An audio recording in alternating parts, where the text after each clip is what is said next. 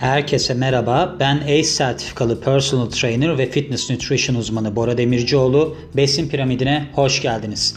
Bugünkü konumuz çok fazla protein tüketmedeki sağlık riskleri. Ne gibi yan etkileri olur onlardan bahsedeceğim. Çünkü aslında spor yapan kişilerin sıkça takip ettiği bir beslenme şeklidir bu. Zannederler ki biz çok fazla protein alırsak çok kaslanırız. Aslında bununla hiçbir alakası olmamasıyla beraber böyle bir inanış vardır. Onun için ben sağlık risklerinden bahsedeyim. Siz isterseniz spor yapıyorsanız ve de gene istediğiniz şekilde istediğiniz miktarda proteini tüketmeye devam edin diyorum. Evet birinci etkisi kilo alımı. Yan etkileri hepsi bunların aslında. Kilo alımı. Kilo alımı şöyle fazla protein tüketiminde fazla amino asitler dışkıyla zaten dışarı atılıyor ve kalanı da genelde yağ olarak depolanıyor. Nasıl bu yağ olarak depolanıyor onu söyleyeyim. Glikoneojenez bunu ben birkaç başlık altında çok fazla belirtmiştim size. Glikoneojenez nedir? Sizin proteininizin fazla proteininizin e, aslında karbonhidrata dönüşmesidir. Karbonhidrata dönüşür. Karbonhidrat içinde eğer ki sizin enerjiyi harcayacak bir alanınız yoksa bu sefer ne olur? Yağ olarak depolanır. Özellikle fazla protein alan kişilerde şöyle bir durum oluyor. Mesela protein alıyor ve proteinin baktığınız zaman 1 gramıyla aslında karbonhidratın 1 gramının kalorisi aynıdır. İkisi de 4 kaloridir. Ama bu kişiler sanki sınırsız protein yiyebilecekmiş gibi deli gibi protein yiyorlar. Onun yanında atıyorum yağ da yiyor, karbonhidrat da yiyor ama onları azalttığını düşünüyor. Bu sefer ne oluyor? Totalde aldığı kalori miktarı artıyor. E bu da fazla kaloriden dolayı yine kilo aldırıyor. Bir de 2016 yılında bir araştırma yapılmış. Şöyle olmuş. Protein karbonhidratın yerine geçerse kilo alımı oluyormuş. Yağın yerine geçerse kilo alımı olmuyormuş. Ben bunu düşündüm. Şundan dolayıdır muhtemelen. Yağın kalorisi 9. Yani 1 gramının 9. Proteinin 4. Yani bu insanlar çok fazla protein de alsalar muhtemelen yine yağın verdiği enerjiyi vermeyecektir. O yüzdendir. Kötü nefes ikinci olarak. Bu protein sindirildiği zaman bir amonyak açığa çıkar ve bazı kişiler proteini yükseltirken karbonhidratı inanılmaz derecede düşürürler. Yani aslında baktığınızda bir ketojenik diyete geçer durum farkında olmadan. Ketojenik durumda da daha önce başlıklarımızda var gene. Keton nefesi denilen bir durum ortaya çıkar. Çünkü onun içinde de ne çıkıyordu? Bileşiklerden bir tanesi asetondu.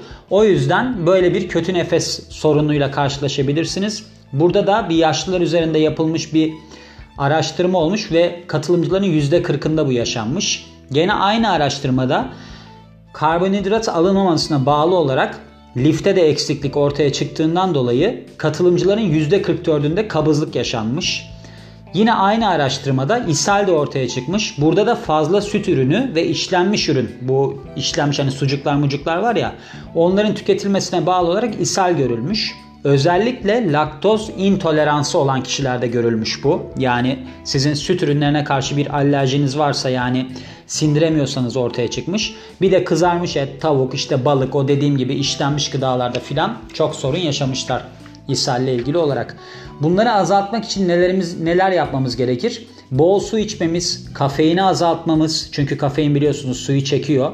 Kızarmış yiyecekleri kısıtlamamız gene biliyorsunuz yapısını bozuyor. Lif almamız ve daha fa- fazla yağ yemememiz gerekiyor. Dehidrasyona gelirsek, dehidrasyon yani vücutta su kaybının ortaya çıkması. Vücut fazla nitrojeni sıvılar ve su yardımıyla atıyor. Bu durum sizi susatmış hissetmese de vücudunuzda aslında bir su kaybı ortaya çıkarıyor. 2002 yılında bir tane araştırma yapılmış. Protein, protein alımını artıran sporcuların dehidrasyon oranları da artmış. 2006 çalışmasında ise bu protein alımının artmasıyla çok küçük bir miktarda dehidrasyonun arttığı ortaya çıkmış. Yani önemsenmesine gerek olmadığı düşünülüyormuş. Bilmiyorum aklınızda bulunsun. Böbrek hasarı Şimdi böbreklere çok yük bindirir diye bir genel bir şey vardır. Özellikle protein tozları ile ilgili bu çok söylenir. Yüksek protein alımı sağlıklı kişilerde böyle bir soruna pek yol açmıyormuş. Fakat eğer ki önceden bir e, böbrek rahatsızlığınız varsa evet bu sorun olabiliyor. Çünkü proteinleri oluşturan amino asitlerde nitrojen var. Hasarlı bir hasarlı bir böbreğiniz varsa ekstra nitrojeni ve proteini metabolizma edildikten sonra ortaya çıkan atık ürünleri atmak için tabii ki böbreğiniz daha fazla çalışmak zorunda kalıyor. Ve ne oluyor? Daha fazla yoruluyor. Hasarlı zaten. Yani sizin sakat bir kasınızı sürekli spor yaparak zorlamanız gibi bir durum oluyor. Yine bir çalışma yapılmış. Düşük karbonhidrat, yüksek protein diyetinin düşük yağlı bir diyete kıyasla böbrekle ilgili gözle görülür zararları olmadığını bulmuş bu. Yani düşük karbonhidrat, yüksek protein alırsanız düşük yağa göre daha iyi bir durumdaymışsınız. Artan kanser riski araştırmalar yapılmış bununla ilgili ki bu çok bence gündemde olan bir konu hala da gündemde. Araştırmalara göre bazı yüksek protein diyetlerinin özellikle yüksek kırmızı et içeren diyetlerin aralarında kanserin de olduğu pek çok sağlık sorunuyla alakalı olduğu bulunmuş. Daha fazla kırmızı et veya işte o şarküteri etleri denilen işlenmiş etler yemek kolesterol, meme ve prostat kanseriyle ilişkiliymiş. Bunun tam zıttı olarak da diğer protein kaynaklarını tüketmek kanser riskini azaltıyormuş. Bilim insanları bunun sebebini kısmen ette bulunan hormonlar, kanserojen bileşikler ve yağlardan kaynaklanabileceğini düşünüyor. Yani buradaki diğer kaynaklar nedir? İşte bu tavuklar, balıklar filan, e, kuru yemişler onlardan bahsediyor. Kalp hastalığı gene aynı şekilde çok fazla kırmızı et tüketirseniz, tam yağlı süt ürünleri tüketirseniz bu durum kalp hastalığına öncülük edebilir. Çünkü içerisinde biliyorsunuz yağ var bunların hep. Doymuş yağ var, kolesterol var. O yüzden de bu sebep olabiliyor. Hatta 2010 yılında bununla ilgili kadınlar üzerinde bir çalışma yapılmış ve çok miktarda kırmızı et ve yüksek yağlı süt ürünleri tüketen kadınlarda koroner kalp hastalığı riskinde artış yaşanmış. Onun için demin de söylediğim gibi hep kümes hayvanları yani beyaz et, balık yine aynı şekilde kuru yemiş tüketirseniz iyi olur.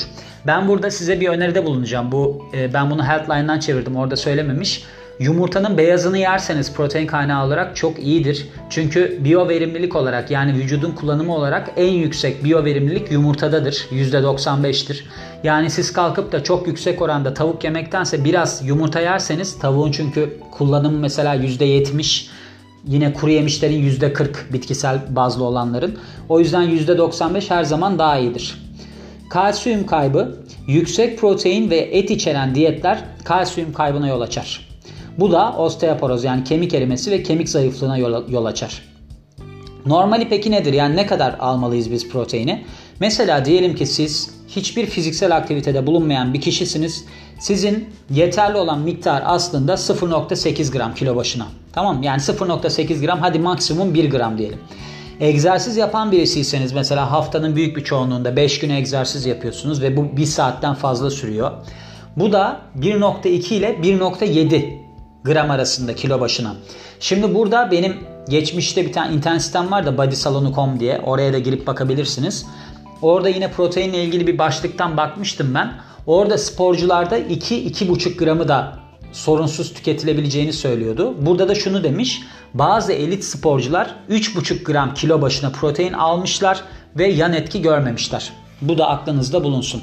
Ama genellikle benim size tercihim eğer ki yoğun egzersiz yapan birisiyseniz ağırlık çalışması falan yapıyorsanız 1.8 ile 2 gram arası iyidir. Düşük karbonhidratlı besleniyorsanız bu arada. Eğer karbonhidrat alımınızda bir sorun yoksa yani oran olarak %45 %55 karbonhidrat %12 %20 protein ve de kalanını yağdan alıyorsanız böyle bir protein artışına gerek yok. Ama karbonhidrat miktarınız düşükse proteininizi bence 2 gram civarında tutun kilo başına derim. Çünkü ben denedim öbüründe kas kaybı oluyor biraz. Yani çok önemli mi? Çok önemli değil ama aklınızda bulunsun. Evet bugünkü konumuz da böyleydi. Zannedersem bu zamana kadar yaptığım en uzun bölüm oldu ama önemli bir bölüm. O yüzden dinlemenizi istedim, bilmenizi istedim. Ben Bora Demircioğlu. Yeni bir bölümde görüşmek üzere. Beni dinlediğiniz için çok teşekkür ederim. Hoşçakalın.